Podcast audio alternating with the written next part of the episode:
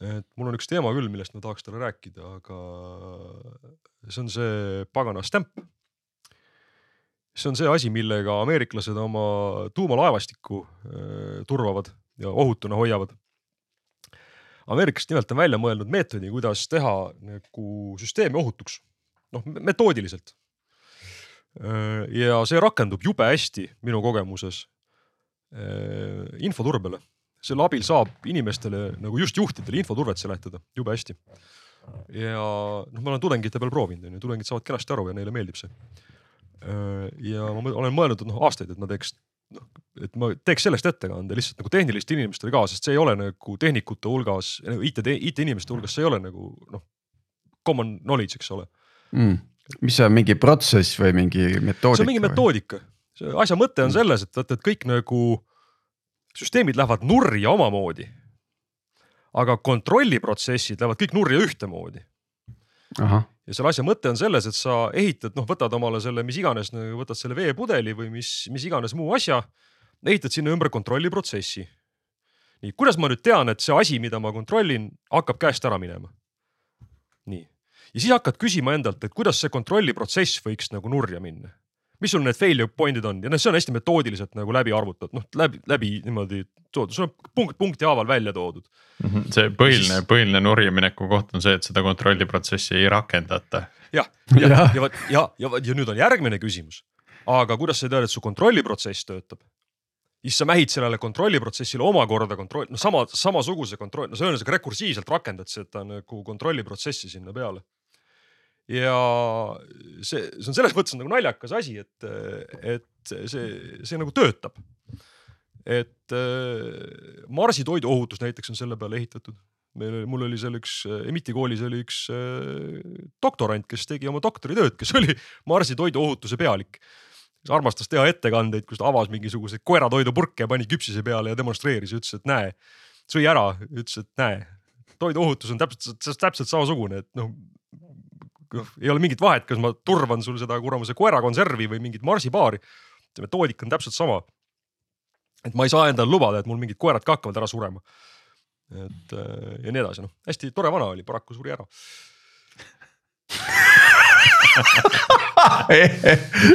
no nii oli noh. lihtsalt mitte vahetult peale seda koeratoidu söömist ta oli, ta oli mingi kuuekümne juures, ta oli mingi sihuke tüüp, kes äh, ühel hetkel otsustas oma, noh, ta oli eluaeg nagu suures korporis karjääri teinud. ja siis otsustas elu lõpus, või noh, mitte elu lõpus, aga noh, niimoodi vanaduses võtta rahulikumalt ja tegeleda hobidega ja siis tema hobi oli PhD on ju. aga ühesõnaga, tulles tagasi selle Stampi juurde, et, et noh, see on hästi selline. esiteks ta on juhtimisele, ta on juhtimiseks nagu mõeldud teiseks, ta ei tegele mitte ainult sellega, et kuidas ma ajan turvaliseks selle kuradi programmi, vaid et kuidas ma ajan terve organisatsiooni turvaliseks nagu inimesed, protsessid, tarkvara, noh nii edasi. ja, ja kolmandaks tal on see, et ta noh, tema see põhi, põhiiva on selles, et mitte keegi ei ehita mitte turvalist süsteemi.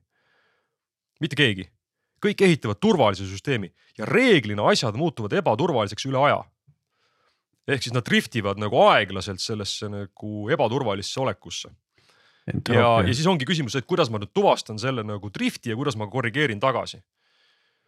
Mm.. et ja noh, see on nagu noh, see on nagu igal pool on ju, et, et noh, kui sul noh ja, ja kui sa mõtled nagu IT või mingitele IT-le või mingitele niisugustele protsessidele, siis seal väga ei räägita sellest, et noh, sa paned oma protsessi paika, aga sul nagu IT-juhil on õnnetu armastus noh.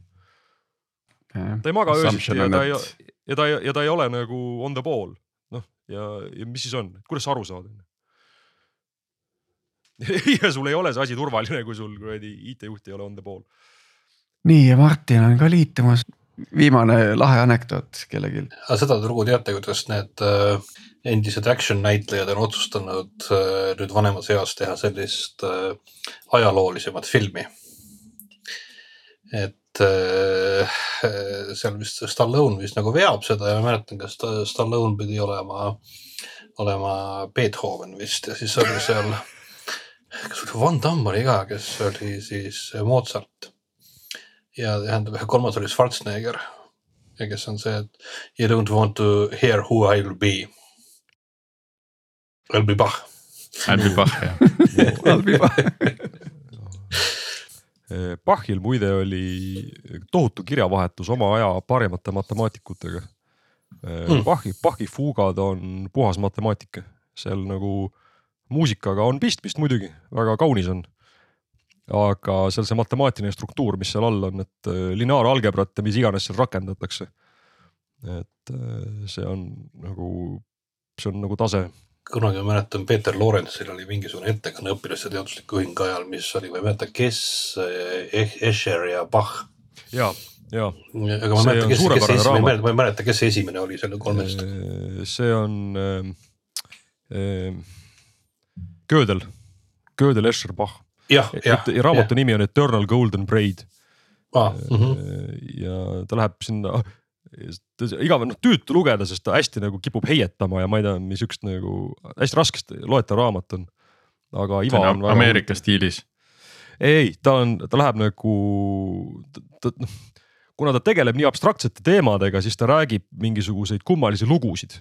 ta kõiki neid ideid nagu väljendab mingites lugudes ja siis üks mingisugune kümnekihiline rekursiivne lugu on nagu noh, seda on nagu keeruline lugeda aga asja iva on selles, et ta noh seob selle Escheri siis selle rekursiivse maailma ja siis selle Gödeli idee, et vot Gödelil oli see asi, et, et ta näitas, et, et matemaatika ei ole nagu terviklik. või noh, või on terviklik, et, et sa ei saa nagu matemaatikat lõpuni tõestada, sa pead mingid aktsioomid pead sisse võtma. ja mis peavad väljast tulema kuskilt, et sa noh, sa nagu ei saa nagu matemaatika sees ainult nagu toimima jääda. ja Bach töötab samamoodi, et Bachi muusika on samamoodi nagu feed ib tagasi enda sisse ja hästi mitmel tasemel.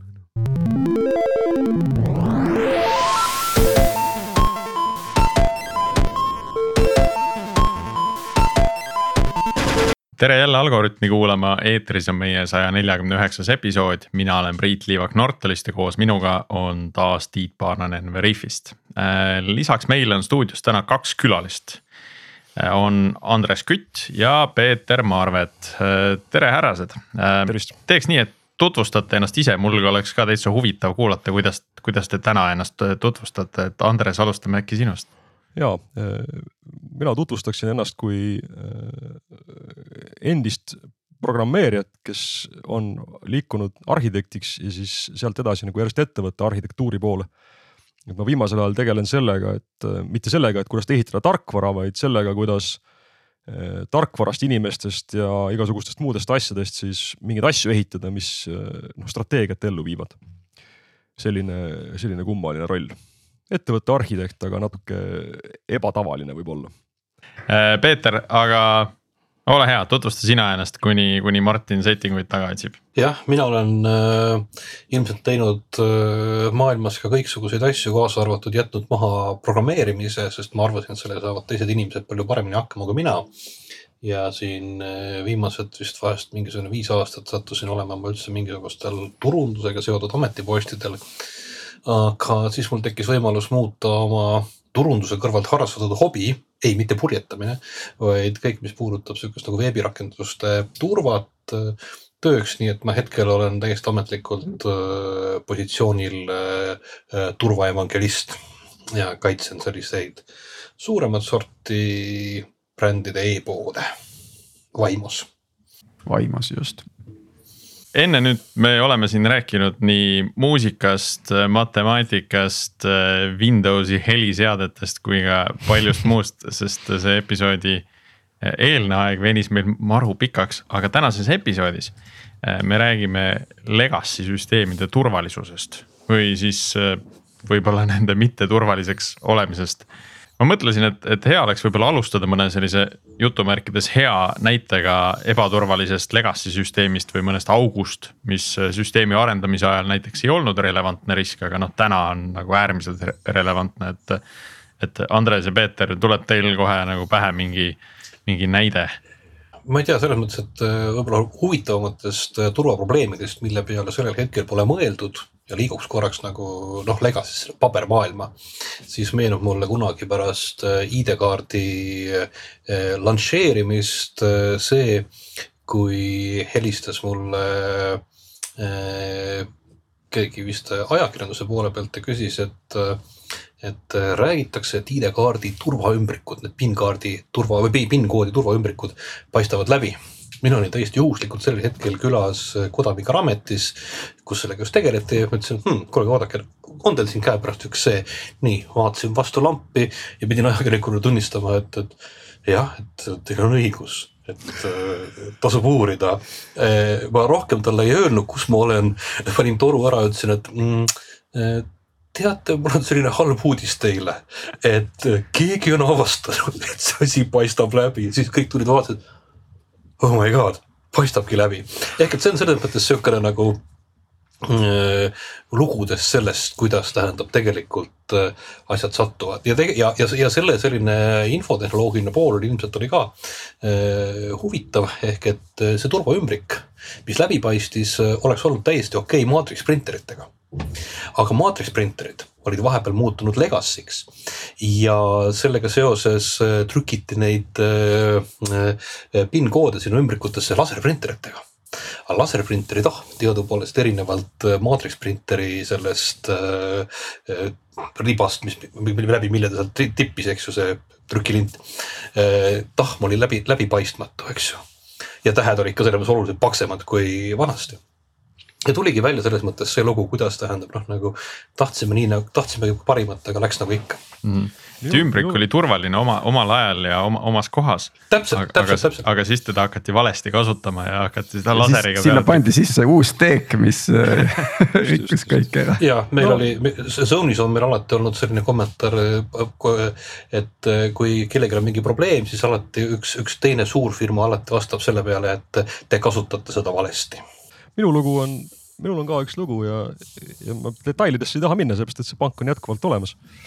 aga oli olukord, kus äh, joosti maha üks server. ja sealt serverist hakkas igasuguseid halbu asju juhtuma. ja mis selgus, tegemist oli äh, turunduse siis äh, mingisuguse purgiga, kus hoiti üles üleval kampaaniaid, mis oli puhas organisatsioon, organisatoorne legacy ehk siis kunagi hallil ajal oli turundusele, noh, IT oli öelnud, et äh, oma kampaaniatega tegelge, vaadake ise, kuidas teete. ja siis turundus oli reklaamiagentuuri kätte jätnud selle serveri haldamise, kes oli vahepeal, reklaamiagentuuri oli müüdud, nad olid selle serveri haldamise vahepeal kellelegi edasi andnud, äh, siis too oli ära ostetud ja nii edasi, nii edasi, nii edasi. ja kõik täi-, noh, kõik nagu toimis selle hetkeni, kui ühel hetkel too siis purk maha joosti ja siis äh, noh, katsu sa siis leida selle kihtide legacy, organisatoorse legacy alt. noh, kus see masin on, kes selle eest, kes sinna üldse ligi saab? Äh, noh, kust, kuidas ma ta füüsiliselt välja lülitan? et kus ta asub et see oli päris kole ülesanne ja see oli puhas organisatoorne legacy, seal nagu tehnilist probleemi oli väga vähe. aga selle nagu lahendamine võttis ikkagi nagu suure tüki päevast et see oli päris, päris suurepärane näide sellest, kuidas nagu organisatsioon ajas nagu korjab ka üles legacy't, eks ole huvitav, mis see motivatsioon oli seda serverit maha joosta, et teda siis kuidagi ei, oli võimalik seostada? see oli puhas ah,, puhas, puhas drive-by -hmm. rünne ja, ja seal ei ja, olnud ja. nagu midagi. aga noh, kuna aga see. ma ütleks, et see strateegiana on päris hea, hajutad niimoodi ennast niimoodi ära sind on raske rünnata ma võin siia selles mõttes tuua nagu tähendab sellesama sarnase näite ehk et äh, mina olen pikka aega olnud, olles olnud noh, mingisugune blogide ja mille iganes algusaegadest, ma olen sellise nii-öelda äh, lingimädaniku vastane ehk et mulle ei meeldi, kui asjad internetist ära kaovad, et nad võiksid olla. ja oli, tegin ühe kunagi oma varasemas äh, veebiarenduse ajaloos ka tegelesin ühe, ühe ettevõtte veebiga ja neil oli seal olemas äh, vanade uudiskirjade arhiiv ja ma mõtlesin, et noh, et, et noh, iseenesest, et noh, otseselt midagi olulist ei ole, aga seal olid mingid toredad lood ja neid nagu neid kusagil mujal ei olnud ja et noh, nagu las puhtalt nagu otsimootori tarbeks lasta siis olla, eks ju, ja keegi äkki kusagilt lingib, ma nägin, sinna tuli tegelikult liiklust ka. ja täpselt samasuguse drive-by rünnaku tõttu äh, äh, skaneeriti veebe, leiti sealt ülesse siis äh, on üks tüüpiline niisugune nii-öelda äh, visuaalse tekstieditori variant on FCK editor, leiti üles FCK editori vana versioon. Selle kaudu leiti üles võimalus upload ida faile ja põhimõtteliselt tulemus oli sama, mida siis äh, Andres just kirjeldas, eks ju, ehk et veeb jooksti maha sellise drive-by rünnaku tõttu. ehk et äh, kõik need asjad, mida me ei suuda uuendada ja mille, mille suhtes me ei tea, mis seal taga toimub, on üks äh, turvavaatest üks suur must auk no see selleks, et midagi uuendada, selleks, et midagi nagu värskendada, sa pead kõigepealt teadma, et see sul üldse olemas on. Aga kui sa oled, kui sa oled otsustanud, et noh, nagu tol, tolles organisatsioonis oli otsustatud, et, et see asi on väljaspool IT-maailma, see ei ole meie asi, me ei tegele sellega üldse noh, siis, siis ongi väga raske nagu eeldada, et asi, millega me tegeleme, kuidagimoodi saab uuendatud või värskendatud või üldse keegi temast midagi teab mm. -hmm. et see, see nagu lükati eemale, aga samas see lubati noh, mingite organisatoorsete aukude tõttu äh, siiski enda infrasse et kuidagi see masin ikkagi tekkis sinna infrasse, et oleks see kuskil pilves olnud, et siis oleks. see oligi pilves, see ainukene Aha. seos, seal tehti ainukene jõnks, mis seal oli. aga keegi ei teadnud, et see pilves oli, et siis oli paanika nagu? see oli domeenis. kuna ta oli samas domeenis, sellel masinal puudus füüsiliselt igasugune side selle, selle emaorganisatsiooniga. see oli kuskil jumal teab kelle pilves kuskil nagu äh, paigaldatud aga noh, see on niisugune süsteemi piiride nagu probleem jällegi nagu klassikaline, et noh, et äh, ku, kuidas ma määratlen seda, et mis asi see on, mida ma juhin ja kaitsen ja, ja kontrollin, eks ole. kui ma need piirid valesti tõmban, siis on nagu väga halvasti ja ütleme niimoodi, et see noh, piir ütleme IT ja turunduse vahel kipubki olema selles mõttes noh, nagu ta on nagu natukene see küsimus, et noh kuniks ma olin turunduse postil, siis ma töötasin ka ettevõttes, ma olin põhimõtteliselt noh, nagu kuulusin blondide hulka nii-öelda, eks ju. et eh, noh, minu arvamusi ei ole mõtet nagu väga tõsiselt võtta, eks ju, tema tegeleb selle turundusega, las ta tegeleb oma turundusega. et see on nagu võib-olla selline IT poole pealt ka selline just noh, nagu vale mõtlemine mm. -hmm. sest et äh, tänu sellele, et meil on olemas see tõsine IT ja siis on olemas see pehme IT. Ma olen ka mõningaid jällegi veebe hallates hoidnud nimelt lahus äh, ettevõtte põhiveebi ja siis erinevad sellised kampaaniaveebid. Ja ütleme, et see koodi kvaliteet, mis tuleb äh, äh, kampaania veebidega, see on ikkagi tegelikult äh, uskumatu, noh, ma võin tuua nüüd küll paarist erinevast näited, aga vist oli, vist oli tehtud viiekümne realine PHP koodijupp, mis võimaldas noh, põhimõtteliselt vaadata ettevõtte noh, nii-öelda CVI-d, tõmmata, tõmmata alla mingisugust visiitkaardi template'i ja muud sellist ja äh, viiekümne rea koodi kohta äh, oli suudetud teha minu arust, kas oli kolm või neli OWASP top ten, äh, kategooriasse kuuluvat viga. tähendab selles mõttes, et oli võimalik pääseda ligi serveris suvalistele failidele.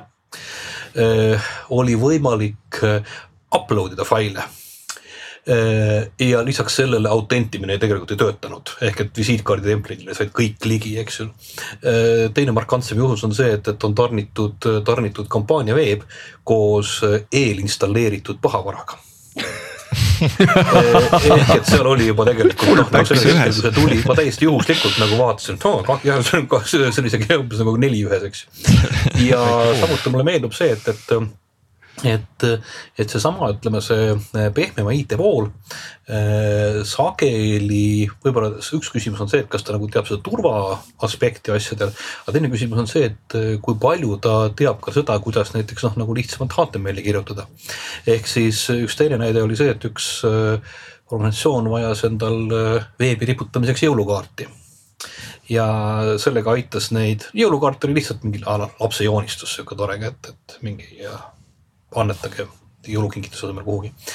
ja siis Äh, joonistus tarniti äh, paigaldamiseks koos äh, täiemahulise Wordpressi ja niimoodi, kuidas nüüd öelda, mugavalt hallatava kujundusraamistiku paketiga. ehk ta oli selles mõttes niisugune põhimõtteliselt selle asemel, et teha üks niisugune HTML, mille keskel on pilt ja all on kirjas, et häid jõule, eks ju.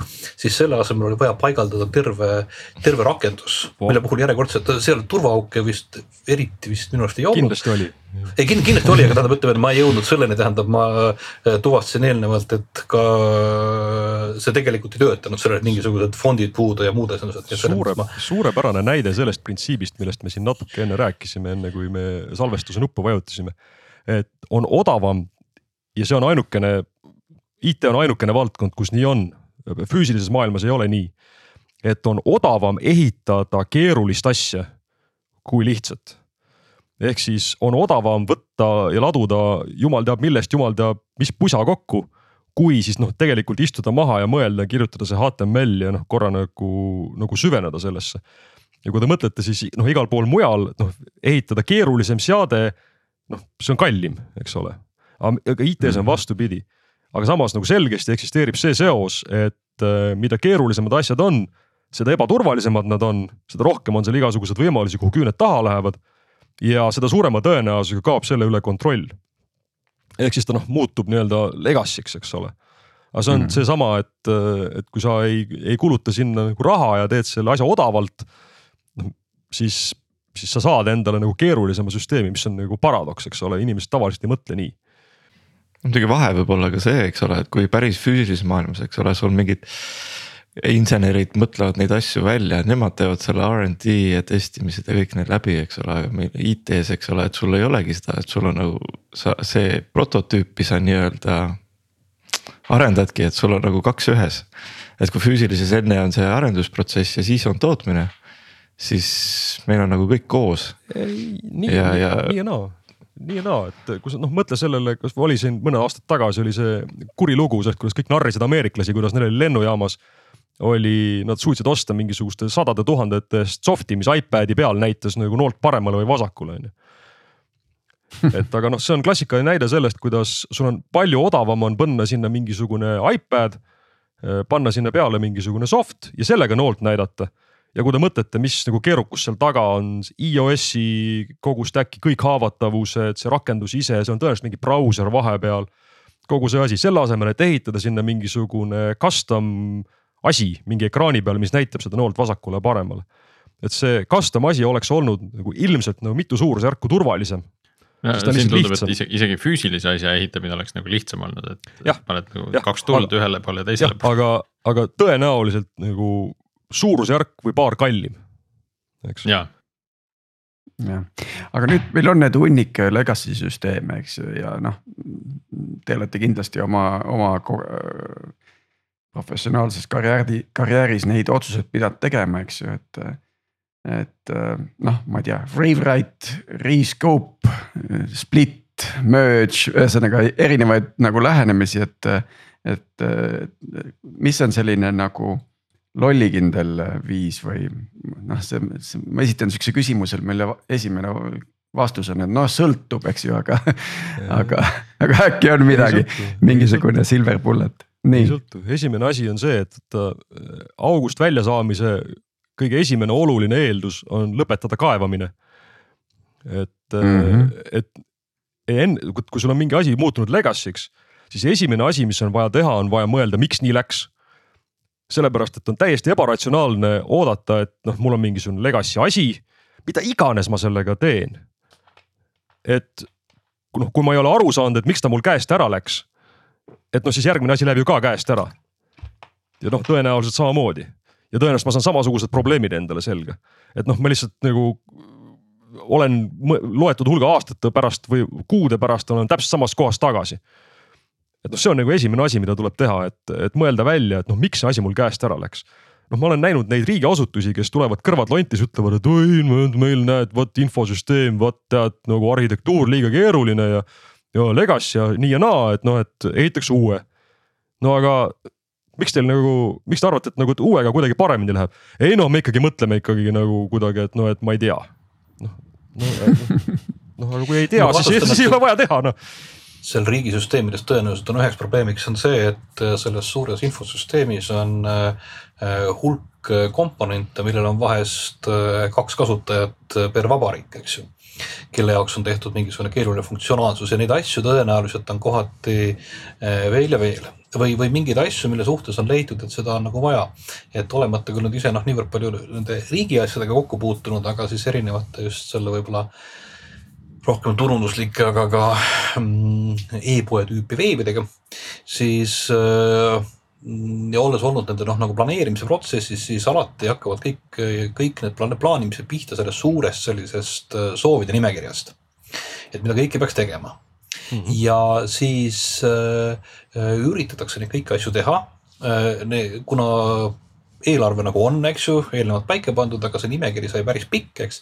siis äh, tuleb leida mingisugused shortcut'id. aa, kuule, aga me saame teha selle siin mingisuguse noh, nii-öelda plugin'aga või, või paneme selle asja JavaScriptiga kusagilt teisest kohast siia sisse, eks ju. Äh, noh, ja kõik need selles mõttes sellised, äh, sellised häkid. ja siis tegelikult see, selle noh, nii-öelda selle kokku ehitatud siukse nagu ma ei tea, Frankensteini niimoodi noh, ülalpidamine on, on tegelikult just see, mis muudab nende asjade elutsükli pärast minu arusaamise kohaselt keeruliseks. see on ka see, miks äh, võib-olla kui ma vaatan jällegi veebi poole pealt, siis varem oli see, et me, meil oli mingisugunegi noh, nii-öelda Linuxi server, sinna me panime mingisugusegi, ma ei tea, WordPressi või Drupali või millegi muu ja see käis, eks kõik oli tore. aga nüüd on vaja kindlasti Dockerit, eks ju, ja konteinerit. miks? sellepärast, et äh, kõik need jubinad, mida tahetakse juurde saada tekitavad sellise omavahelise sellise sõltuvusahela. et noh, nad jällegi selle teise rakendusega koos ei, ei tööta ja järelikult eh, lahendus on selleks, et selle ühe suure legacy asemel teeme palju neid väiksemaid konteinereid, mis kõik muutuvad eh, omaette küll legacy'ks, eks ju. aga nad vähemasti on selles mõttes noh, me suudame selle mõtte selle ümber kuidagi niimoodi ära kapseldada, et et asi seal toimub ja lahendus tähendab, kuidas mina olen nagu üritanud lahendada, enamasti ongi see, et ma vaatan, et noh, et, et mis need vanad funktsionaalsused on, mis meil kõige rohkem takistavad ja küsime, et noh, et, et olete te nõus maksma selle eest, et me need ära uuendame või äkki ei ole vaja. ja sageli selle kohta klient ütlebki, et ah okei okay,, on mul neid sabasulgi nüüd nii väga vaja, et okei okay,, jätame selle siis kõrvale, et tegelikult me polegi seda kunagi kasutanud, et me lisasime selle funktsionaalsuse, aga noh, nagu see ei ole oluline, et me tegelikult oleme nüüd saanud aru, mis on meie süsteemis oluline, lähme olulisega edasi ja selle tõesti nagu legacy noh nagu. selline rescope imine on nagu no, see. jah, aga see on, aga see on täpselt see, täpselt see, millest sai räägitud, et tekib funktsionaalsuse surve, tahaks võimalikult paljude inimeste suhtes tore olla. sellega seoses tekib lihtsalt selle funktsionaalsuse ühiku hind peab minema alla, sest eelarve on fikseeritud. viis seda ühiku hinda alla viia on teha odavamalt ja viis teha odavamalt on teha keerulisemalt, lihtsalt lükates mingisuguseid asju üksteise otsa. ja noh, sealt need turvaprobleemid tulevad, kusjuures selle Dockeri maailmaga ma jälgin seda maailma väga huviga küll kõrvalt, ma ise ei ole väga palju tegelenud, aga juba on olukorrad, kus, et, et see Dockerite asi, see ikka läheb käest ära, et see on liiga keeruline, et sinna peale on vaja ka ikkagi mingisugust Dockeri management'i. Kubernetes, Kubernetes, see on Kubernetes. ja Kubernetes on ka liiga keeruliseks läinud, ka Kubernetese jaoks on mingisugused. on Terraform, me haldame seda Terraformiga et ehm, noh, see, aga see lugu on, noh, see kõlab naljakalt, aga kui sa oled nagu mõned ringid juba üle, üle ümber päikese käinud, siis sa oled seda lugu näinud juba noh, et äh, see on seesama keerukuse kasvu lugu, et, äh, et kui sa ei tegele sellega, et asju lihtsamaks teha, noh siis, siis asjad lähevad käest ära ja noh, täpselt see, sellele, mis, äh, mis Peeter rääkis. noh, vastukaaluks on noh, mõistlik kontroll oma selle kupatusarhitektuuri üle. et noh, et organisatsioonis peab olema keegi, kelle nii-öelda mandaat on teha asju lihtsamaks et kui te mõtlete järgi, siis klient tahab võimalikult palju saada võimalikult väikse raha eest. projektijuht, teda ei huvita muu, mingi muu asi, kui tarnida ära kuupäevaks on ju see tulemus eelarve raha sees. insener tahaks ehitada siukseid imekauneid suuri ja keerulisi asju. noh, juhil on, oleks äge, kui oleks võimalikult palju igasuguseid asju, mida ta saab juhtida, on ju. et organisatsioonis reeglina inimestel kõigil on mingisugune huvi teha asju keerulisemaks väga harva on nagu inimest, kellel on huvi teha asju lihtsamaks. kui need... sellist inimest aga... ei ole, siis noh, lähevadki asjad keerulisemaks. aga samas need vastanduvad huvid on, on, on väga oluline just äh, igas projektis kokku tuua, et, et see on ju. absoluutselt äh,. see on ka põhjus tegelikult, miks, miks teatud projektides äh, testija roll on väga oluline.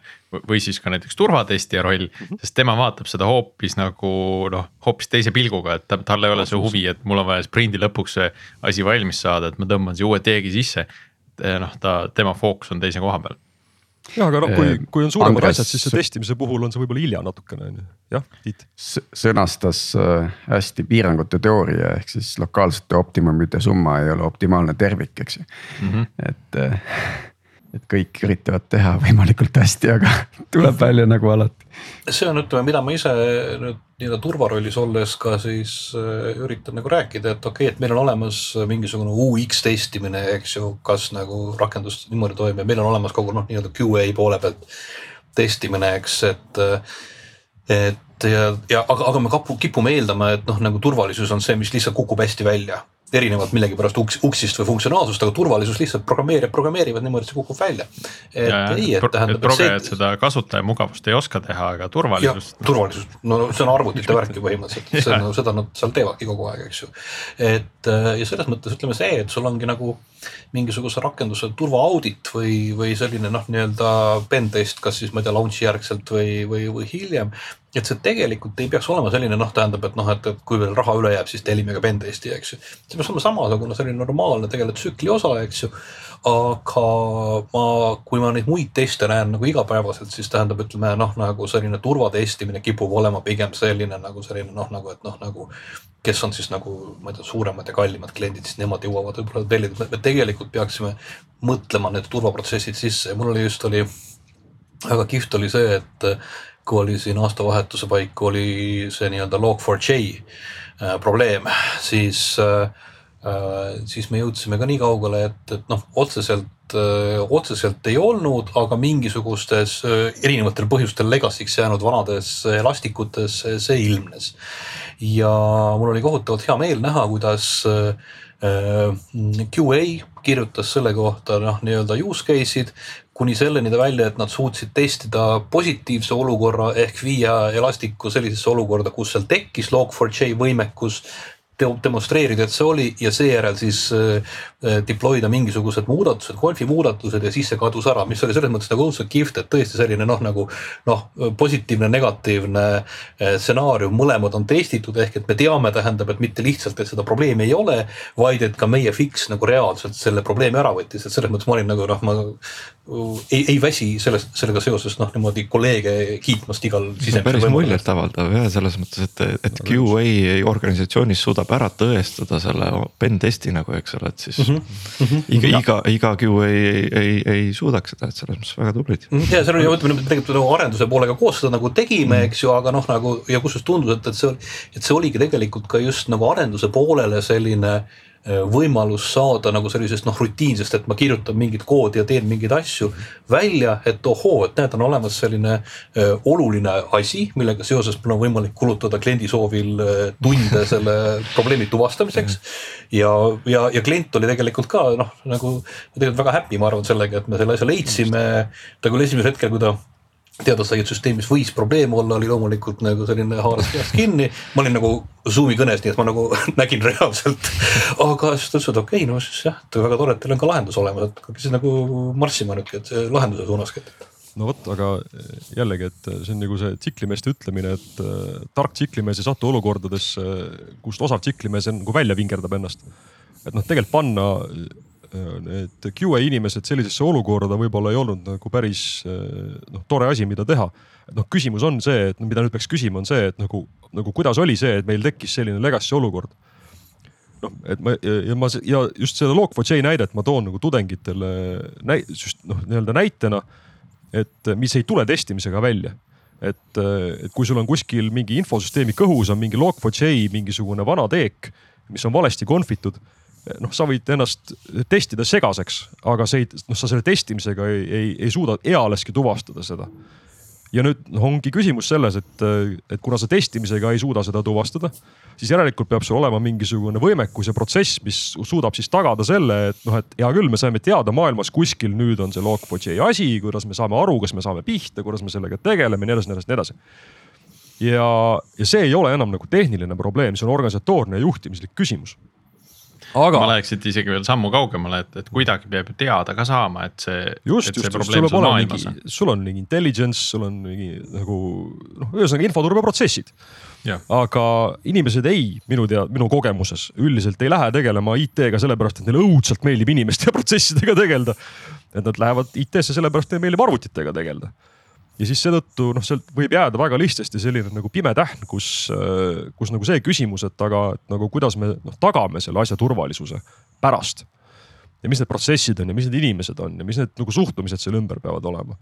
et äh, need jäävad nagu pimedaks ja sellest noh, me enne ka ju rääkisime, et see on see nii-öelda pehme, pehme IT, eks ole, et. Äh, ja see ka ei ole nagu IT-inimestele väga huvitav just noh, Peeter tõi ilusa näite, et see QA inimesele paneb silmad särama, kui ta saab selle Log4j nagu asja mingit testida ja kontrollida, tõestada ja värki ja see on tõesti äge. aga noh, võrreldes sellega, et äkki noh, seesama inimene oleks pidanud panema noh, samad tunnid või noh, keegi teine sellest organisatsioonist äh, sama, samad tunnid selle alla, et mingit dokumentatsiooni uuendada või, või mingeid äh, vastikuid vanu conf'i faile nagu kammida et noh, sest see ei ole enam äge, see ei pane aga, kellegi silma aga, särama. aga, samas ütleme näiteks jällegi ilm, ilmselt ka põhjus, miks ma ise olen sattunud turva peale, on see, et et äh, minul on selline ka nende hobide, hobide hulgas, mis mul on. mulle meeldib vahetevahel korraldada, kirjutada skripte. ma nagu program-, üldse ma programmeerimise jätsin maha, aga ma kirjutan mingeid väikseid lihtsaid selliseid äh, for loop'e. ja näiteks, kui ma olin Zone'is, siis mul oli ühel hetkel oli meil küsimus, et kuidas monitoorida neljakümmet tuhandet erineva kliendi rakendust kas nad töötavad või mitte ja kas mingisugune katkestus on neile probleemi põhjustanud. ja istusin ma kontoris ühel niimoodi nädalavahetusel, pidin mingil muus val valves olema, muud teha ka ei olnud. ja mõtlesin ja siis mul tuli järsku pähe mõte, et kui mul on olemas kõikide nagu noh, nii-öelda, nii-öelda kliendiserverite nimekiri siis ma võin ju neid tegelikult suvalises järjekorras lihtsalt läbi nii-öelda noh, nagu teha, teha päringuid ja kontrollida. sellega ma saan mingisuguse tabeli see tabel tegelikult on seotud, ma ei tea, a la viiekümne erineva serveri komplektiga, mis seal jooksevad. ma saan teada kõikide nende serveri komplektide kohta enam-vähem elulemuse, kui ma tean, et noh, hetkel nagu per server ütleme kümme protsenti on mingil põhjusel natukene kööbakad, eks ju, aga üheksakümmend protsenti on korras, kui see asi üheksakümne protsendi pealt muutub, siis, siis me saame teada. ja tuligi välja, et see oli iseenesest oli äh, meeletult kihvt, oli see, et mul oli võimalik pidevalt käia ja skannida neid veebe läbi ja see andis mulle tegelikult noh, nagu nende veebide olukorra kohta informatsiooni, ehk kui keegi ütles, et kuulge, et mu rakendus on katki läinud, siis me ütlesime, et teie rakendus läks katki äh, kolm nädalat tagasi kell kaksteist. Et kas see aitab teil tuvastada, kuidas te selle katki tegite täpselt, eks.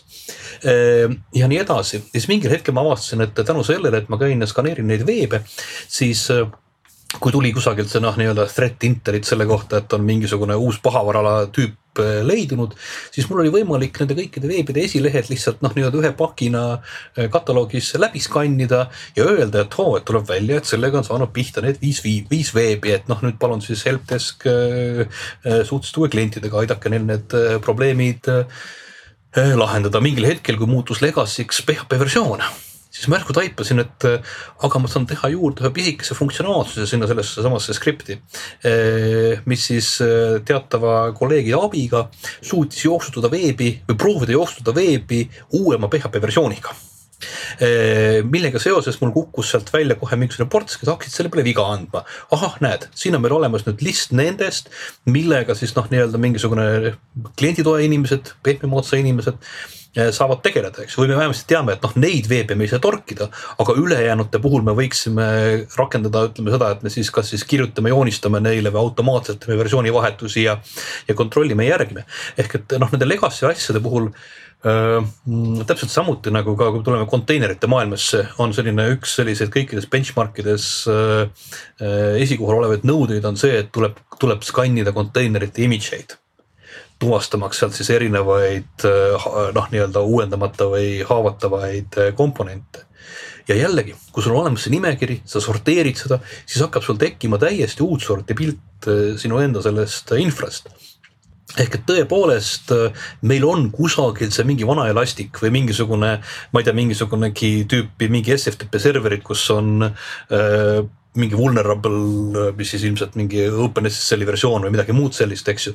ja siis sul hakkab tekkima see asi, et sa saad hakata panema neile ridadele siukseid noh, nii-öelda prioriteete või värve külge. ja sellel hetkel, kui sa jõuad Exceli, jah, ja sellel hetkel, kui sa jõuad äh, Exceli tabelini, kus asjadel on küljes prioriteedid ja värvid, sellel hetkel on võimalik sellest rääkida ka juhtkonnaga.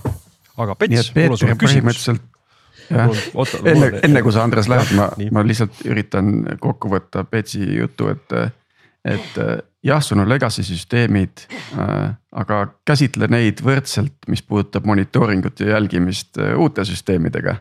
ja vähemalt sa oled kursis siis sellega, mis seal, mis seal taustal toimub ja tekib mingisugune asset'ite nimekiri. jah, Pets, mis sellest skriptist sai, kui sa Zone'ist ära tulid? Ma loodan, et keegi on seda mõnevõrra adopteerinud seal ma tean, et mitmed minu algatatud huvitavad projektid, ma näen lihtsalt noh, nii-öelda mõningatest Giti repodest, kuhu mul siiamaani ligipääs on, endiselt elavad. Ma loodan, et need projektid ka elavad, aga seal on osa informatsiooni noh, nii-öelda võrgu kohta, mida mida ilmselt ei ole hea en, en, minu kui endise töötaja, töötajaga jagada, nii et ma nagu väga ei äh, ole seda poolt uurinud. No, see on suurepärane aga... näide sellest, kuidas tekib, noh, kuidas tekib legacy on ju mm. -hmm. et mm -hmm. sest noh, inimene lahendab enda probleemi, enda isiklikku pisikest väikest probleemi kõigepealt, siis. inimene on tubli omanik. Inimene on omanik, on ju, ja siis edasi selgub ja alati ei selgu, et tegemist on ka ettevõtte jaoks nagu, nagu probleemiga ja siis äh, tekibki olukord, kus kellegi nagu valmis punutud asi, noh peab saama kellegi poolt adopteeritud, aga noh, loomulikult, et see keegi, kes peab kellegi teise mingisugust selleks mitte ette nähtud, sest algusest peale ei olnud, olnud sul ju Peeter niimoodi kirjutatud selle jaoks. et noh, keegi peab selle siis ülesse võtma. Ja see on järgmine kiht nagu legacy't, mis tegelikult on äh, organisatsioonis tekkinud. ja, ja noh, see teadmusjuhtimine muutub probleemiks, on ju, et kuidas see, kuidas see teadmine siis edasi anda ja noh, jällegi, et õudselt ilus näide sellest, et, et kuidas need mehhanismid, mis Legacy't tekitavad, ei ole tehnilised. Need on organisatsioonsed, need on ja need ei ole selle, küsimus ei ole selles, et pets loll. küsimus selles, see on loomulik käitumine, inimesed lahendavad oma probleeme, see noh, nii ongi, see on hästi inimlik. Aga see ei tähenda, et me ei saaks organisatsioonina nagu ehitada mehhanisme ja protsesse, mis, mis aitavad meil nagu toime tulla sellega, me teame, et see nii läheb, on ju jah, lihtsalt tähendab see, et, et äh, selle juures nagu üks asja alguspunkt just nimelt see, et, et mida vist äh, Tiit ka mainis, et et, et see, et teha mingisugused lahendused, mis automaatselt koostavad sihukest noh, nii-öelda teevad, teevad inventuuri süsteemidest.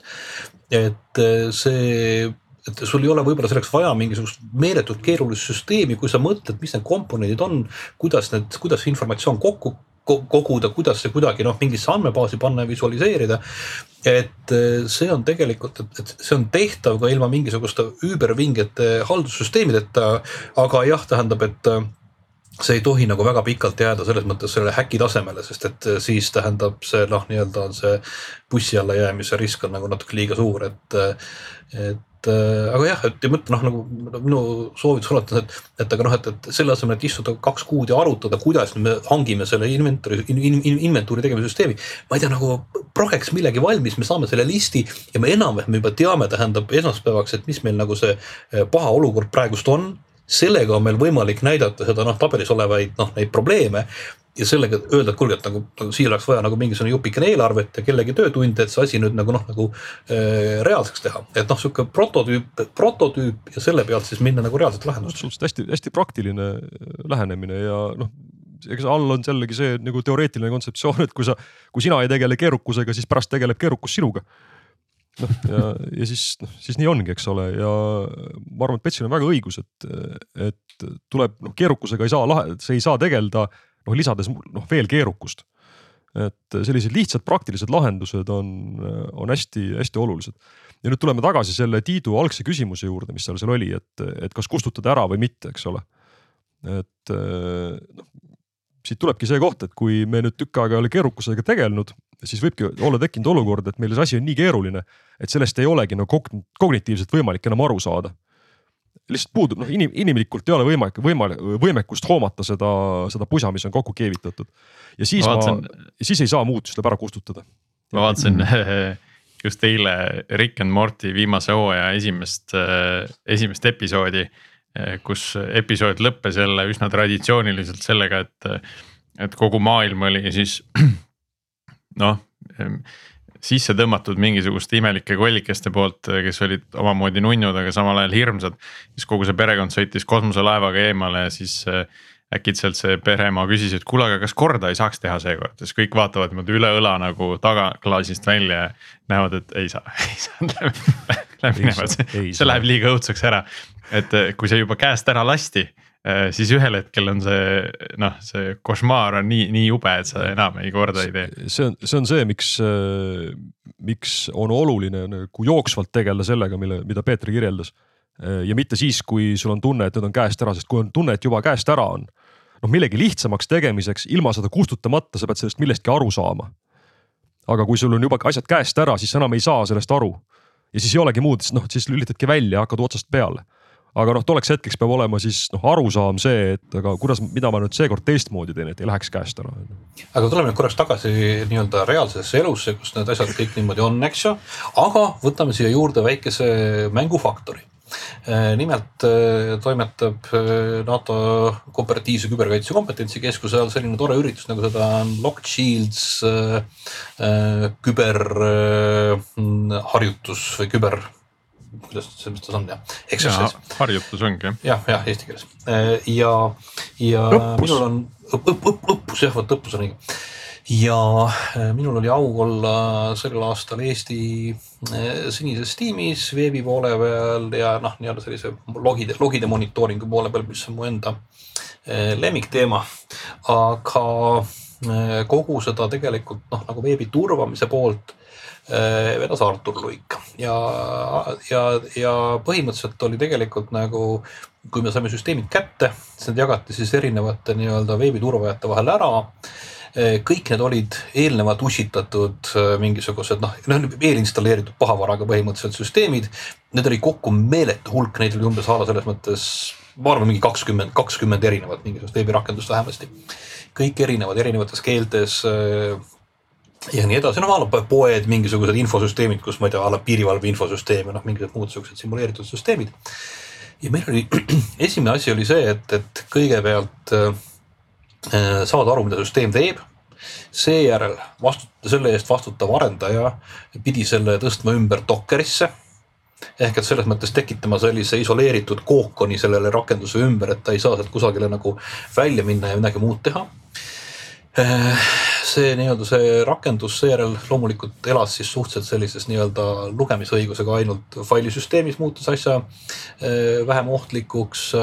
sinna ette läks siis korralik logimine ehk et siis logid, mis kindlasti jõudsid äh, meie äh, logi agregaatorisse, pluss siis mod security ja sellised üldised OASP-i ruleseti reeglid. Ja siis loomulikult nende tuvastused kõik läksid ka siis, läksid siis logidesse. Ja meie nagu logimeeskond oli tegelikult, me olime nagu kolmekesi, mina ja kaks, kaks ajateenijat olgu öeldud küberi poole pealt. Ja siis äh, kaks noort ehitasid dashboard'e ja kõike seda, et, et kuidas seda asja jälgida. ja mina tegelesin kaks-kolm päeva peamiselt sellega, et vaadata, et logid saabuksid ja et enam-vähem saada aru, miks parasjagu logid ei tule, keda tuleb logida, miks midagi katki läks, miks ei ole logides, ma ei tea, kuupäeva formaat igal pool üht, ühtlustatud, miks ei ole nii edasi. ehk tegelikult oligi niimoodi, et, et nii-öelda nagu seeniorim inimene tegeles puhtalt ainult sellise noh, nii-öelda sellesama noh, nii-öelda sellise logide kildide koristamisega. kvaliteedi kontrolliga. kvaliteedi kontrolliga jah, aga tulemus oli tegelikult see, et tänu sellele, et meil olid olemas mingisugused tuleminureeglid, me leidsime, me nägime ära, kui pahad hakkasid toimetama, sest nad tegid mingi vea ikka, nad said kohati said sisse ka ja niimoodi, et me ei näinud kohe, eks ju. aga mingi veaga nad kusagilt jäid peale ja siis me saime hakata vaatama tegelikult, mida konkreetne see paha teeb ehk me nägime seda ära ja ma pean ütlema, tähendab, et meie noh, nii-öelda see arenduse pool, kes seal tegutses, oli ka selles mõttes, et nad kõik teadsid oma rakenduste, nad, nad olid oma rakenduse omanikud. Nad teadsid, mida see rakendus teeb, nad teadsid, kus nende arvates on äh, nõrgad kohad nädalavahetusega olid paar rakendust ka totaalselt ümber kirjutatud. Äh, sest et äh, noh, tundus, et niimoodi on lihtsam seda turvata, kui, kui see, noh, need ei olnud ka päris täpselt noh, riigi infosüsteemid ja keerukuses rakendused. aga põhimõtteliselt noh, nagu see, et, et kui sul on legacy, siis kindlasti noh, taga, et sul on selle kohta informatsioon, seesama versioonid, aga ka logid ja nii edasi, proovida enkapsuleerida sellisesse olukorda, kus ta ei saa nagu selles mõttes kuhugi mujale paha teha või sul on vähemasti äärmiselt lihtne seda äh, hiljem äh, taastada, eks ju. Ja siis jälgi, et seal oleks olemas keegi omanik, kes nagu reaalselt selles mõttes äh, teab, mida see asi teeb ja kuidas see asi katki läheb. et see on selline kombinatsioon sellistest nagu tehnilistest ja organisatoorsetest täiendustest ja. sa pead võtma kontrolli alla selle, mis iganes asi see on, mida sa, mida sa tahad juhtida. noh, mida sa ei kontrolli, seda sa ka ei juhi kuidagimoodi. sul on lambad on metsas laiali, siis siis sa ei karjata neid kuidagi. sa pead kõigepealt aeda ajama ja siis hakkame edasi vaatama, kas saab neid pügada või ei saa. vahekommentaariks äh, see, et äh, jah, see omanik on, ma arvan, seal see võtmekoht, et, et aga ma olen nagu oma kogemusest märganud palju ja tihti seda, et inimene ei tea tegelikult, mida omanikuks olemine tähendab, et see tuleb ka ära skoopida. absoluutselt. kõigepealt tuleb teadma, et ta on omanik. vahel juhtub ka seda, et kõik teised arvavad, et ta on omanik, aga ta ise Ja, ei tea seda teine, teine nagu- hästi levinud muster noh, riigis võib-olla ei ole sedasorti organisatsioon, aga noh, et Pipedrive'is, Veriffis ka ma kujutan ette, et kui. ühe- ühed teenused liiguvad ühest tiimist teise, eks ole, et see on sisuliselt omanikuvahetus, et siis on mm, -hmm. see on alati üks väga tähtis protsess, on see handover mm. -hmm. sest et, et noh, tõesti, et kui okei okay,, me võime ju uut teenust teha ja teist teenust edasi, eks ole, aga, aga kuidas, mida, mida me teadma peame. me ei tea isegi seda, mida me teadma peame, eks ole sa ei tea, mida sa ei on- just, et, et see on tõesti üks, üks väga tähtis asi nagu ükskõik mis, mis, mis hästi, valdkonnas. hästi levinud on see, et äh, arvata, noh, et kes seda süsteemi omab. raamatupidamine, jah, mingi osakond. ja siis seal ei tekigi seda isikustamist ja, ja siis noh, ei olegi ise- isegi inimest, kes küsiks, et kas ma ikkagi oman ja kas ma saan aru. Et, et mida see omamine tähendab, aga ma tahtsin ühe selle, ma selle saate peale mõtlesin siis ja see tuli ka Betsi jutust nagu ilusasti välja. et, et need eri tüüpi, ühesõnaga legacy võib olla hästi eritüübiline ja need turvavead, mis tulevad ja turvaprobleemid, mis tulevad, noh sõltuvad sellest legacy tüübist. noh, et kui mõtleme selle peale, et meil on näiteks mingi kolmkümmend aastat vana mingisugune siis kirjutatud mingi server, millel on noh, enam-vähem null sõltuvust, mis siis võtab mingi lihtsa protokolliga sõnumi sisse, teeb midagi, paneb vastuse välja tagasi ja ongi kõik ja noh, las ta olla kolmkümmend aastat vana, seal kindlasti on mingisugune nagu mäluga seotud probleem. noh, tõenäoliselt. Noh, midagi on, eks tõenäoliselt, eks ükskõik kui hoolikalt sa kirjutad, eks kui ta on mittetriviaalne programm, siis küllap seal mingi viga on. aga noh, seal ei ole kunagi mingit log4j-d ega mitte ühtegi muud sõltuvust, isegi veebiserverit ei kasuta, eks ole, sest ta kuulab ise otse porti. ja, ja sellise asja ründamine on kindlasti ka võimalik aga noh, kui sul on kõrval on mingi asi, kus on äh, kuussada nelikümmend kaheksa, ma ei tea, teeki ja mis viitab vanale testamendile. noh, siis, siis noh, tõenäoliselt seal mingisugune nagu lihtsasti skriptitav probleem on, on palju-palju suurem, eks ole. et mm, -hmm. et see, et, et kood on vana. asjadest, mida, mida Just. sa ei tea, on, on hoopis suurem. täpselt ja, ja see risk on võib-olla isegi sama suur, aga noh, see tüüp on teine. sul on vaja teistsuguseid kompetentse, et seda exploit ida. sul on vaja noh, tõenäosus, et see nagu mingi drive-by'ga pihta saab, on väike, see riskiprofiil on teine jah, see See võib- põhimõtteliselt riskiprofiil on APT. jah, et, et sul see legacy võib, legacy iseenesest ei ole probleem. Kui sa suudad mõlema selle riskiprofiiliga nagu toime tulla ja vabalt võibki olla see, et sul selle nii-öelda APT-ga tegelemine. see on sulle organisatsioonile kuidagi nagu mugavam või lihtsam või, või praktilisem või sa oskad seda paremini teha. kui selle ära näidatud sõltuvuste pusaga tegelemine, eks kuulajate jaoks tasub APT lahti mõtestada, ma arvan. see on see, kui üks asi on see, et kui keegi otsustab, et ühesõnaga APT on see, kui keegi on otsustanud, et ta tuleb sulle sisse. ja mitte APT on see, kui keegi on otsustanud, et ta lihtsalt tahab olla kuri. abstraktselt, aga APT tahab just nimelt, tuleb tulla sulle külla.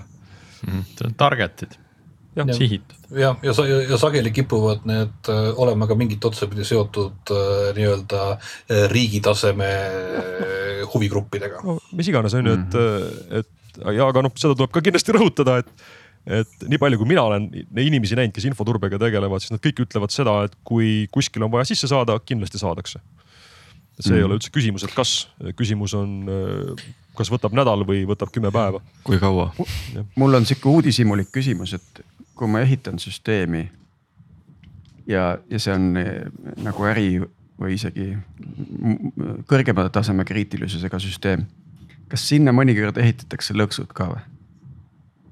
Honeypots no mingisugune, mingisugune sihukene äh, koht, mis võib meelitada nagu ära kasutama ja siis mida mina saan kasutada, et teda tuvastada, kes seda üritab ära kasutada. minu kogemuses mitte, Pets, kuidas sul? see on, tähendab noh, ütleme niimoodi, et äh, kui mina teen sihukest äh, algtaseme küberkoolitust.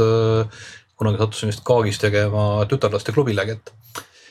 ja mina küll esimese asjana õpetasin, et noh, et, et et noh, et, et teil kindlasti on kodus mingisugunegi võib-olla mingisugune väiksem vend või, või midagi muud sihukest või vanem vend, et te kindlasti olete nagu natukese mõelnud selle peale, kuidas te oma mingit päevikut või midagi muud äh, hoiate niimoodi, et te teate, et vend on käinud nuhkimas, eks ju.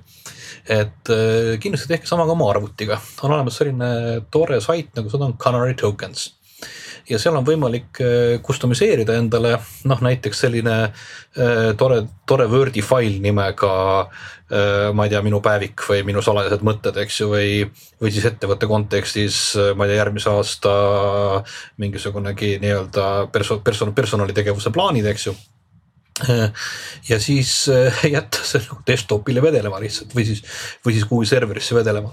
ja seal on kasutatud siis ära vastavate dokumenditüüpide mõningaid eripärasid, mis siis nii-öelda helistavad koju ehk et äh, noh, tegelikult võib olla ka huvitav see, et kui sa saadad nagu oma nii-öelda CV kuhugi firmasse, saadad selle Wordi dokumendi ja selle kanali tõukeni, siis sa tead, millal seda avatakse, eks ju, ja.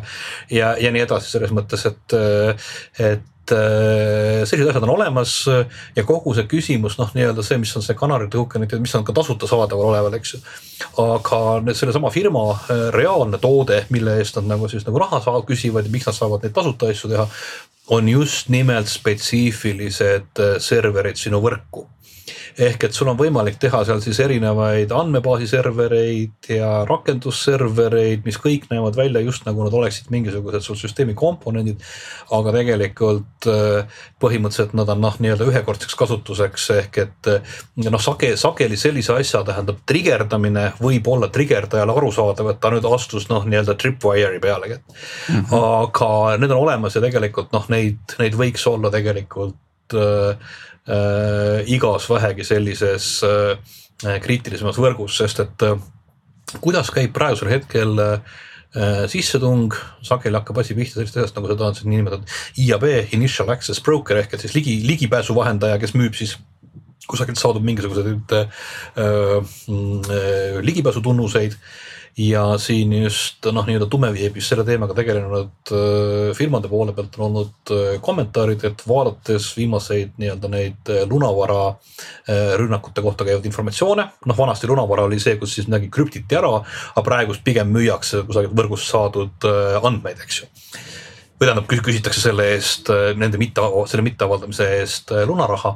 ehk et siis on võimalik tuvastada see, et selle infolekke on eelnenud tõenäoliselt umbes kuu kuni kahe jooksul ligipääsutunnuste müük kusagil tumeveebis ehk et põhimõtteliselt, kui me alustame juba ainuüksi lihtsamatest asjadest, et me paneme oma faili serverisse mõned sellised failid, mis tähendab, helistavad koju tagasi, kui keegi neid vaatab. kui me paneme oma, meil on kasutajabaasis mingid kasutajad, kelle sisse logimise peale läheb alert põlema selles mõttes, et et äh, ja nii edasi, noh, et ehk, et ja ma ütlen, et noh, et olles näinud selliseid olukordi äh,. ma alati olen noh, siiamaani ma olen kahetsusväärselt alati pidanud ütlema, et oh my god, oleks ma taibanud, et ma oleks pidanud selle, sellesama, selle dokumendi ju viskama sinna ju. ma oleks tegelikult selles mõttes A võinud varem teada saada, sest ma olen näinud, kuidas tähendab logides, kuidas tähendab selliseid asju läbi käiakse, kuidas kui kuhugi ligi päästakse, siis vaadatakse noh, neid faile ja nii edasi, eks ju et noh, kui see oleks kusagilt koju helistanud, oh kurat, ma oleks teadnud sellest asjast oluliselt varem, et, et noh, see no., see on nagu re reaalselt, et äh, ja, ja kindlasti eriti legacy süsteemide puhul tähendab selles mõttes, et unustage sinna midagi, mis, mis reedab teile, et on probleeme. jah, no mina ei julgeks ehitada nagu päris production süsteemi päris nagu honeypot'i sisse et äh, sest ma ikkagi sellega kutsun mingid inimesed endale külla ja. nagu meepotti on nagu mitut tüüpi ka. et, et üks asi on nagu jätta nagu mingisugune slash staatus või slash admin lahti, kus sa paned nagu nupu, et shut down this system on ju. noh, siis tulemuseks on see, et sa saad nagu hästi palju sinna klikke ja see ei pruugi sulle midagi näidata, aga, aga sellisel kujul nagu, nagu äh, Peeter rääkis, et. Et selliseid nagu tripwire eid jätta nagu sügavale süsteemi sisse, kuhu nad nagunii ei tohiks keegi ligi saada. Äh, noh, see on juba nagu oluliselt atraktiivsem meie pott ja, ja ehk et kusagil mingisuguse sama dokeriseeritud siin äh, süsteemi keskel on nagu mingisugunegi, paneme SQL'i serveri kõrvale, kõrvale ühe, mis näeb välja nagu Postgre kellelgi tekib kohe küsimus, huvitav, miks see on, eks ju, vaatame. No. ja see võiks olla kenasti default, default paroolidega ja kasutajatega, et, et sinna on lihtne sisse saada, on ju. et see on ja. nagu suurepärane, vanasti oli Tartu Ülikoolil oli selline suurepärane sait nagu vares.ut.ee mis oli suurepärane FTP sait ja vastas FTP-ga sa sisse logida ja puha.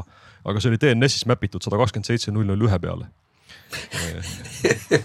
et äh, kõik, kõik inimesed said varest nii palju, kui, äh, kui kulus. et äh, mis on nagu selle honeypotinduse juures, mida ei tohi ära unustada, on see, et, et mida, mida selliseid faile kuskile sokutades, noh kontseptsiooniga ma olen nõus, aga alati tuleb ka arvestada sellega, et põhimõtteliselt me oleme nüüd teinud seda, et me oleme läinud internetis kellegi juurde ilma rahata, võtnud selle kellegi juurest mingi aktiivse faili mille kohta, et Estikas ütlevad, et see ausalt ei tee midagi muud peale koju helistamise. ainult siis, kui see lahti tehakse. ja pannud selle omale kuskil mingi tundliku süsteemi kõhtu elama. et äh, võib-olla on hästi, aga no, võib-olla nende ärimudel ei ole päris see, mis nad ütlevad. keeruliselt teha on nagu lihtne aga et, et sellist asja nagu ise kokku panna seal nii-öelda nullist äh, on, on ikka oluliselt keerulisem. ei, selles mõttes noh, äh, no ütleme niimoodi, et jah ja ei, selles mõttes, et tegemist on sellega, tänapäeva Wordi dokument on põhimõtteliselt XML fail. See on sinu jaoks suhteliselt loetav, sa näed sealt ära, kus on see tagasihelistav pilt ja sa paned selle tagasihelistava pildi asemele eh, oma serveri URL-i selles mõttes, et see ei ole nagu tähendab selles mõttes mingisugune selline kosmoseteadus, et, et täpselt samuti ütleme noh, kõik needsamad küsimused, et et eh, panna, panna lihtsalt üks täiendav SQL-i server default parooliga võrku mm, ja siis oma logisüsteemis conf ida tähendab eh, alert, kui sellest serverist üleüldse midagi tuleb, eks ju. noh, siis põhimõtteliselt see, see, see on täiesti tehtav, see on nagu selline noh ütleme niimoodi, et kui sa, kui sa, kui sa harjud neid asju tegema, siis tähendab, see ei ole nagu mingisugune selline äh, suur töökoormus, see on nagu tegelikult siukene. aga noh, jällegi, jällegi see kõik eeldab seda, et meil ei ole tegemist mingisuguse sellise legacy'ga, mille üle meil on nagu täiesti kontroll kadunud. et me isegi mm. mitte ei tea täpselt, kus see deploytud on ja meil ei ole sortsu selle asja kohta ja, ja, ja noh, me ei suuda nagu üldse temast üle käia siis selleks, selleks, selleks on vaja geeniuseid, meil Lockshieldil olid äh, sellised olemas. nimelt oli tegemist rakendusega, mis oli krüptitud ja sai mingisugusest serverist omaenda lahti krüptimiseks võtme. ehk et mitte lihtsalt ei olnud nagu sortsu, vaid ka noh, nii-öelda see kompileeritud kood ei olnud nagu äh, lahti võetav ja nädalavahetusega üks, üks äh, tore geenius äh, Range, Rangeforce'i poole pealt äh, suutis selle krüpto lahti, lahti hammustada, suutis jõuda ligi protokollile. sai põhimõtteliselt koodi lahti ja sai selle koodi tegelikult ka siis ma ei mäleta, kas ümber fix itud või, või ära, ära fix itud või ümber kirjutatud, et põhimõtteliselt tegelikult ega noh, ütleme see on see, et, et noh, kõik on küsimus on selles, et et äh, mis on seda tüüpi rakenduse turvamiseks äh, vajalik äh, selline noh, nii-öelda pühendumuseks. et me peame selgitama välja, et mis on selle rakenduse kriitilisus, kas meil seda üldse on vaja, äkki me saame lahti, kui ei saa lahti. kui ei ole vaja, siis noh, nagu viskame ära või kasutame mingisugust tänapäevast asjandust, vahepeal on tekkinud, ma ei tea. Google Docsid ja muud asjad, äkki seda ise kirjutatud Excelit pole vaja enam, eks. ja, ja siis, ja siis ülejäänutega ongi see, et, et tähendab, et mis on tegelikult siin konkreetselt probleem ahah, meil ei ole, tähendab noh, nii-öelda eh, ligipääsu sortsule, okei okay,, no aga kuidas me selle probleemi lahendame, inseneride jaoks ei ole probleeme, ainult väljakutsed siin on eh, jälle taandub sellise nagu asset management'i peale, sa pead teadma, mis sul on. ja, ja siis on distsipliin, et eh, päriselt nende, nende samade varadega, tarkvaraliste varadega regulaarselt siin tegeleda, neid analüüsida. üks nüanss on, ei piisa sellest, et sa tead, mis sul on sa pead teadma ka seda, kuidas see, mis sul on, on üksteisega seotud. minu klassikaline ja. näide selle jaoks on suurepärane ID-kaart. Te mäletate, siis kunagi hakati väljastama e-residentsuse kaarte. oli plaan väljastada need e-residentsuse kaardid eh, siis Silicon Valley suurtele sihukestele eh, sahiibidele. väga mõistlik mõte iseenesest, aga need suurepärased sahiibid kasutavad kõik Maci ja, ja siis selgus, et oktoobrikuus lasi Apple oma uue operatsioonisüsteemi välja, mis paraku kogu selle chip-kaardiga suhtlemise tegi ümber. ja siis puhkes paanika.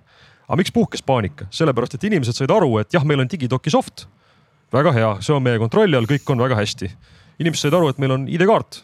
jällegi kõik väga hästi, see on meie kontrolli all. aga kuidas üksteisega suhelda saab? ainult läbi operatsioonisüsteemi, aga see paraku ei ole meie kontrolli all ja kuna keegi ei adunud, et noh, see seos nende kahe tüki vahel, mis on päris oluline, käib läbi operatsioonisüsteemi, siis seda operatsioonisüsteemi ei monitooritud, seal ei olnud õiges kohas inimesi beta programmis sees ja jäi asi mm. nagu hilja peale venima, eks ole. et äh, me peame aru andma endale, et kuidas need tükid, mis meil on, on, on, on omavahel seotud, sellepärast et äh, noh, Pets, sa ju tead väga hästi, et, et väga harva nagu see asi, mille kaudu sisse tullakse, on, on see asi, mida tegelikult rünnata tahetakse. inimesed mm -hmm. tulevad sisse ja siis poevad sealt sinna ja sealt tänna, eks ole et nende sõltuvuste juhtimine on ka päris ja teadmine on, on ka päris oluline asi nii, aga nüüd äh, tänase episoodi aeg hakkab meil paraku läbi saama aga enne veel, kui me päriselt joone alla tõmbame, tahaks ühest väikesest teemast veel rääkida. ehk siis kuulajad, kellel nüüd see küberturbe äh, asi natuke veel kripeldama jäi, jäi nagu veel väheks, äh, saavad siis külastada õige pea Tallinnas ühte konverentsi nimega B-Sides, kus Peeter, sina ka oled rääkimas logidest ja, ja logide kogumisest, kui ma õigesti aru sain jah, ja tegelikult pigem ütleme nagu logide lugemisest, sest et logide kogumine ilm, erinevalt võib-olla mingisuguse muu ütleme raha kogumisest selles mõttes, et noh, nagu no, nüüd raha puhul ka kogud raha ja pärast pead lugema neid, eks. Mm -hmm. siis, sa, tunned mõnu, et sul on seda raha palju, eks ju. niisama kui raha palju on, ei ole nagu huvitav. et äh, jah, mul on nagu, ma olen viimased aastad, ma olen sattunud kuidagi nagu suureks logisõbraks ja mulle kohutavalt meeldib äh, äh leida, leida logidest muuhulgas jälgi selle kohta, et teisel pool on inimene on nagu näha see, kui sa näed, et on noh, nii-öelda, nii-öelda hands-on keyboard, eks ju. Äh, teisel pool äh, tegutsemas ja teine asi, mis on nagu pull, on see, et, et leidagi just ongi see, et kui sa noh, nagu nii-öelda räägid selles mõttes sellest, et me peaksime tegema asja X, eks ju. siis kas see, kas see tegelikult noh, nagu tundub kõigile vajalik, aga sellel hetkel, kui sa kusagilt nii-öelda noh, ründele viitavast logist leiad üles selle, et tõepoolest seda, mida me oleme kogu aeg rääkinud ja öelnud, mis on selline best practice'i niimoodi top kolm asjad või top kümme asjad, eks ju. näed, siin see mees praegust teeb või ma ei tea, mees, naine, kes iganes teeb, näed, täpselt niimoodi, niimoodi käibki tema see nii-öelda lateraalne liikumine mm, -hmm. eks ju. niimoodi ta fake ibki oma IP aadressit, eks ju, see fake itud IP aadresside hulk on selline, eks ju. ja siis tegelikult sa suudad nagu selle, selle probleemi, probleemi uuesti tulla tagasi selle juurde, et ja et noh, et, et uh, I told you so, eks. ühesõnaga, et kui infosüsteem logiseb, et siis see on nagu hea asi ja, ja kui logiseb, siis on hästi. aga, aga jah, Tallinn B-Sides'i ma totaalselt soovitan ja. Äh, kõigil väisata, selles mõttes tegemist on. ja see toimub nüüd äh, kahekümne teisel septembril, nii et äh, vist veel saab pileteid. vist on, vist on veel pileteid ja kui need odavamad kommuunipiletid otsa saavad nüüd selle saate peale hästi kiiresti, eks ju, siis seal on olemas veel neid natukene kallimaid sponsoripileteid, veel selliseid toetajapileteid ka ja, ja oluline on see, et erinevalt igasugustest kallistest müügikonverentsidest, kus pilet on mingisugused sadades eurodes, siis äh, see on kommuuni üritus, see on tehtud noh, nii-öelda meie sama seltskonna poolt äh, meile kõigile teistele. parimad äh, poisid tulevad välja sellega, mida nad ja tüdrukud, millega nad on viimase aasta jooksul tegelenud ja mis on neil pannud silmad särama, nii et. õudselt tänuväärne asi. väga, väga, väga, väga vinge üritus, kindlasti soovitan jah ja mina vaatasin hommikul kava üle ja tõesti on, on väga mitu atraktiivset teemat seal sees jah, ja seal ütleme mõned, mõned neist on, tähendab, on sellised, mis äh, kevadel olid veel kin, kinnistel konverentsidel, aga noh, ma seal kindlasti julgen soovitada Clarified'i ja Wise'i ettekannet sellest, mis räägib, kuidas kasutada, kuidas on võimalik võtta sessioonid üle tuntud äh, sisselogimisagregaatorite puhul ja mis sellest saab, nii et see on nagu väga, see on nagu tõeline sihuke põhimõtteliselt noh, niimoodi pärast seda teil nagu noh pea plahvatab lihtsalt, et oh my god, see on kõik no,. ma loodan, ma loodan juba, et, äh, et meie kuulajatel plahvatab pea pärast tänast episoodi, sest mul oli küll vahepeal juba selline tunne, et, mul on hea meel, et ma puhkusel olen et siis kõige sellega ei pea veel tegelema äh, nii, aga tõmbame tänasele episoodile siis äh, mõnuga joone alla. ja aitäh, Peeter, aitäh, Andres osalemast, saime väga mõnusa, mõnusa episoodi, väga huvitav oli teiega vestelda. ja, ja loodetavasti saame teid mõnes tuleviku episoodis veel külalisena võõrustada lisaks mineviku epi, epi, episoodile. jah, jah, just ja. ja aitäh meie kuulajatele. Ehm, endiselt ootame huvitavaid ideid nii teemade kui külaliste kohta, kes meie, meie podcast'i võiks väisata. Ja jääme teiega kuulmiseni järgmisel nädalal nägemist.